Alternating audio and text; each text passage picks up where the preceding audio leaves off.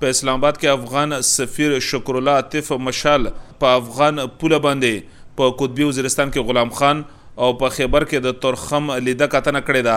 د دوی دغه سفر د افغان ولسمشر ډاکټر محمد اشرف غنی په خصوصي امر سره وکړو په غلام خان کې د خبرو پر مهال باندې دوی ویل چې د دوی د سفر اساسي موخه دا وه چې د پاکستاني او افغاني دسیساتو سره لیده کاتنې وکړي او په دې اړه ټول معلومات راغونډ کړي چې د دوه اړخیزه تجارت د پرمختګ او د خلکو د راشه درشه لپاره چې کومې اسانتیاوې برابرې شوې دي په هغې کې کومې نیمګړتیاوې شتون لري دوی وې چې په دې برخه کې د پاکستان د لورې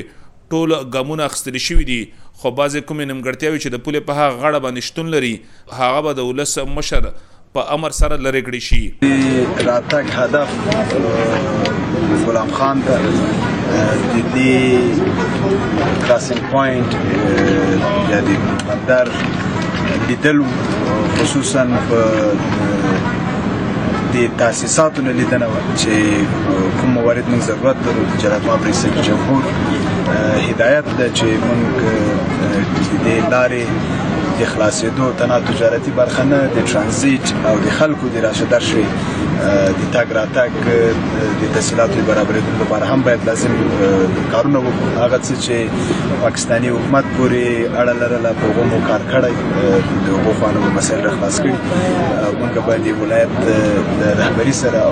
مربوطه مسؤلینو سره په جریان کې یو چې لازم تاسیسات چې دلته په کار دي دا جوړ شي د افغان سفیر د سفر نه وړاندې په قطبي وزیرستان کې په غلام خان پوله باندې د افغانستان په یو کم سلمه د ازادې دکلیزې په ورځ باندې یوه غونډه را جوړه شوې وه چې پکې د دواړو هېوادونو چارواکو او ځایي ولسونو ګډون کړی وو. په دغه ورځ باندې د افغان مامورینو د لورې په رسمي توګه باندې غلام خان لاره د تګ راتګ دپاره پرانستل شوه او دغه شانتې د ملګرتیا پر اساس باندې څلوېښت بار ګاډي چې پکې سکاره، وچې او تازه مېوې بار وې، پاکستان ته د تلو اجازه ورکړې شوه. افغان سفیر په خېبر کې د تورخم د پولې هم لیده کتنه وکړه او د دواړو غاړو د مامورینو سره یې لیده کتنې وکړې. د دوی دلته کې راتګ په داسې حال کې دی چې د پاکستان د صدراعظم عمران خان د تېرې جنورۍ په میاشت کې د اګست نه تورخم لاره د څلور ویشت ساعتو د پرانیستلو لپاره د ټولو ګامونو اخیستلو اعلان کړی و او هم په دې برخه کې ټول ګامونه اخیستل شوي دي. خو د هند او د پاکستان ترمنځ د کشمیر د شخړې له امله د پاکستان صدراعظم عمران خان په رسمي توګه باندې د دغې لارې د څلوېښتو ساعتو د پرانیستلو غونډې ته لا نه دی راغلی.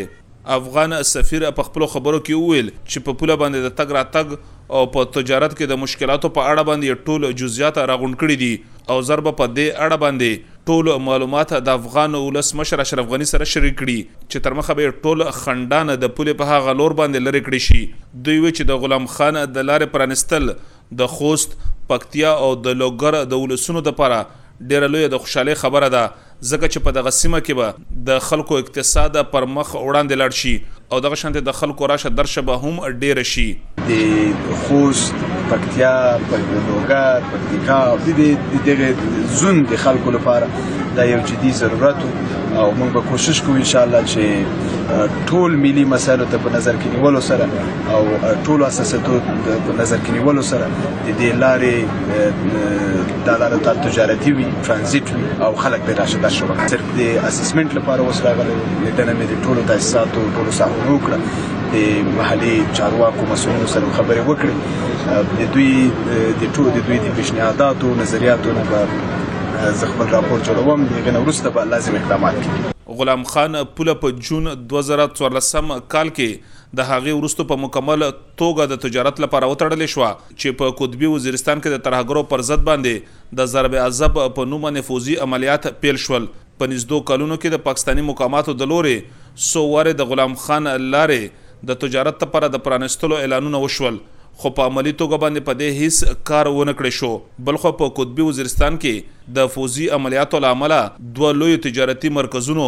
میرانشاه او میرعلي ته لوی زیان اوړېدلی دی. ځايي تجاران وايي چې لا تر اوسه پورې دولت د دوی سره د تجارت بیا شروع کولو په برخه کې هېڅ کومې مالي مرستې نه دي کړي، خو ځايي تجاران په دې نظر باندې دي چې که چېرته د غلام خان د لورې د افغانستان سره بېرته تجارت شروع کېږي، نو نه یوازې به د دې سره په قطبي وزیرستان کې د خلکو اقتصاد ښه کېږي، بلکې ورسره نږدې سیمې ډرېسمېل خان، بنو او نورو خواوشا سیمو خلکو ته به هم د دې ګټه رسي. د پاکستان او د افغانستان ترمنځ د دوه اړخیزه تجارت د بیا ښه کولو لپاره ګامونه په داسې حال کې اخیستل کیږي چې دوه اړخیزه تجارت تر ټولو ټیټې کچې ته رارسیدلی دی. د تجارانو د سازمانونو نه ترلاسه شوو معلوماتو تر مخه په دوه زره لسم او یولسم کلونو کې دوه اړخیزه تجارت دوه کربه او اویاوو اربو ډالرو ته رسیدلی وو. خو اوس یوازې پنځوس کروړه کلدارې پاتې شوې دې او د خلکو تګ راتګ په سلو کې اتیا برخې کم شوې دې. د څلورو کالو د ځنډ وروسته د تېر جون په اوویشت مه نېټه باندې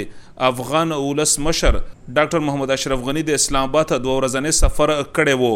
چې پکې په افغانستان کې د امنیت، د امریکا او د طالبانو ترمنځ د امن لپاره د خبرو پیل بهیر او دغه شانتې د افغان کډوالو د ستونزو ترڅنګ په دوه اړخیزه تجارت کې راپیدا شوي مشکلاتو د لرې کولو په اړه باندې هم د پاکستاني چارواکو سره خبرې وکړې. د پاکستان صدراعظم د تورخم د څلویشتو ساعتو لپاره د پرانیستلو اعلان کړی دی، خو لا تر اوسه پورې په دې باندې عمل نه دی پیل شوی، ورسره یې په مومندو او چترال سیمه کې هم د افغانستان سره د تجارتي لارو د پرانستلو اعلان کړی دی، خو د دې نه غېر نورې لس تجارتي لارې لا هم هغه شانتې بندې پرتې دي. اسلام ګل افريدي، اس بي اس راډيو، پېښور. Tell us what you think. Rate this podcast on iTunes. It helps other people to find us.